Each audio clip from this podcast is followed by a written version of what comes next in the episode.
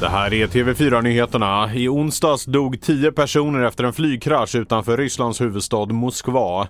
Snabbt kom uppgifter om att Wagnergruppens ledare Yevgenij Prigozjin fanns ombord tillsammans med flera toppar i den paramilitära gruppen.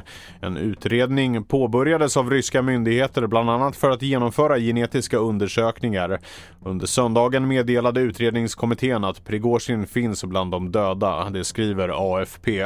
Socialdemokraterna vill att den som köper droger av barn ska straffas med fängelse.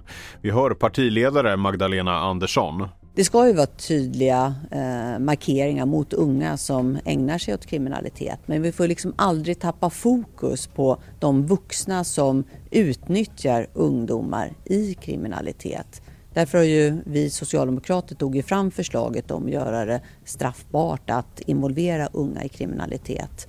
Och nu vill vi också då höja, skärpa straffen rejält för vuxna som köper knark av minderåriga. Under morgonen blev en kvinna jagad av en okänd man på en strandpromenad i Skellefteå. Polisen åkte till platsen och kunde gripa en man i 35-årsåldern i anslutning till platsen. Han ska bland annat ha cyklat på kvinnan, följt efter henne och misshandlat henne. Mannen är misstänkt för misshandel, ofredande, försök till misshandel och våldsamt motstånd.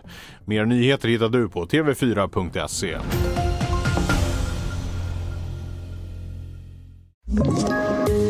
poddtips från Podplay.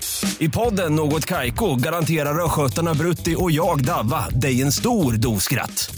Där följer jag pladask för köttätandet igen. Man är lite som en jävla vampyr. Man har fått lite blodsmak och då måste man ha mer. Udda spaningar, fängslande anekdoter och en och annan arg rant.